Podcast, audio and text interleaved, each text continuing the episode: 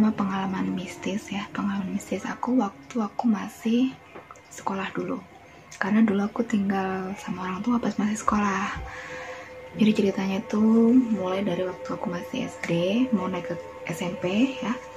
Di situ om aku meninggal jadi beberapa hari setelah om aku meninggal di rumah aku itu ada bercak-bercak darah di mana waktu itu aku aku lagi nggak dapat mamaku juga lagi nggak dapat di situ di keluarga aku kan cuma cuma ada empat orang ya. Cuman ada uh, papa mama aku sama adik aku. Adik aku cowok. Nah di kamar mandi itu ada bercak-bercak darah. Mama tanya ini siapa yang berdarah? Karena aku nggak nggak lagi dapat mamaku juga nggak lagi dapat kan. Ternyata nggak ada yang ngaku. Ya udahlah lewat udah. Nah setelah itu aku mandi pas aku mandi. Jadi aku tuh ini bukannya bohong atau gimana ini beneran ya. Pas aku mandi keramas. Jadi aku nggak sengaja habis megang rambut itu di samping aku ini ada kepala. Kepala gimana sih kalau orang botak tapi dia ada rambutnya sedikit mungkin satu atau dua senti? Ya bener kayak gitu. Jadi aku megang kepalanya orang kan kaget ya kasar kan ya kaget. Aku lihat ternyata ada orang botak. Dia melotot ke aku. Sepintas langsung hilang. Nah aku langsung berhenti mandi. Ya pada pada waktu itu aku langsung berhenti mandi. Aku langsung selesai mandi terus aku langsung wudhu aku langsung sholat. Mamaku tanya loh kok kok tuh bensin mandinya cepet. Kok tuh bensin karena aku di rumah dipanggilnya cinta ya cinta darah nama aku tuh. Kok tuh bensin mandinya cepet. Ya aku diem aja soalnya takut mamaku takut kan. Mamaku penakut orangnya. Setelah aku sholat baru dia aku cerita. Tadi di kamar mandi itu begini mah ya Kenapa kok aku sangkut pautin dengan om aku yang baru meninggal? Karena om aku pas dia mau meninggal ya sebelum dia meninggal dia rambutnya botak dan dia tuh uh, ada tumbuh rambut sekitar 1 atau 2 cm. Ya udah langsung waktu itu langsung kita ini kita kirim doa ya karena memang kan suasana juga masih baru. Itu yang pertama. Aku ngalamin sendiri tuh megang kepala di samping aku. Pas aku lagi mandi bayangkan. Setelah itu pas SMP aku juga ada ngalamin eh, hal-hal yang mistis. Pas mamaku mandi ceritanya. Ini aku cerita banyak ya karena memang di rumah aku tuh memang ada penunggunya sih jadi ada beberapa cerita deh aku ceritain semuanya. Jadi di rumah aku cuma ada dua orang. Kebetulan cuma ada dua orang. Sore-sore mamaku mandi. Aku di kamar. Aku di kamar. Aku lagi tiduran. Nah tiba-tiba ada yang tidur di samping aku. Dia bolak-balik di tempat tidur. Posisinya aku nggak bisa gerak di situ. Kenapa nggak bisa gerak? Orang aku dengar mamaku mandi terus di sebelah siapa dong? Nggak ada suara pintu nggak ada nggak ada suara apa apa ada aku nggak ada papa aku nggak ada. Aku cuman pura-pura aja diem. Nah setelah beberapa saat udah nggak nggak ada suara goyang-goyang kasur ya. Karena itu kerasa banget loh pas aku tidur itu ada orang duduk terus tidur di kasur sambil dia goyang-goyang. Kerasa banget rasanya merinding. Uh udah udah nggak karuan udah. Begitu suaranya udah nggak ada suara ya aku balik badan. Bener. Gak ada orang. Untungnya ya nggak kelihatan apa-apa. Kalau pas misal aku balik badan kelihatan sesuatu. Sore loh itu padahal. Udah tua mamaku selesai mandi aku cerita. Ya ma tadi ada yang begini. Udahlah kan sekalian dibacain doa kan pas sore sore nggak cukup sampai di situ. Pas aku SMA di sebelah rumah aku tuh ada pohon tinggi. Pohonnya ditebang. Pohonnya besar ditebang. Nah pas SMA itu sering ada suara orang jalan kaki di apa namanya di genteng di genteng atas kamar aku. Di mana jamnya dan rute jalannya itu selalu sama setiap hari. Jadi sekitar jam malam lah sekitar jam 11 jam 12 itu ada suara orang jalan kaki. Terus uh, apa namanya rutenya itu pun sama. Jadi dia bentuk L seret seret nah tiap hari selalu begitu.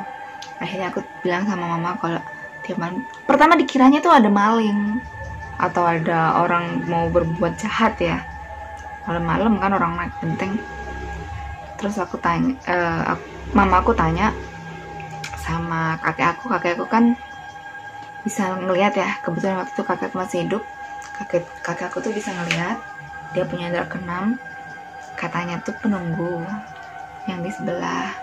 Karena dia rumahnya sudah dihancurin jadi dia sering jalan-jalan. Dan kebetulan bersebelahan dengan rumah aku dia sering ke sini dia sering ganggu.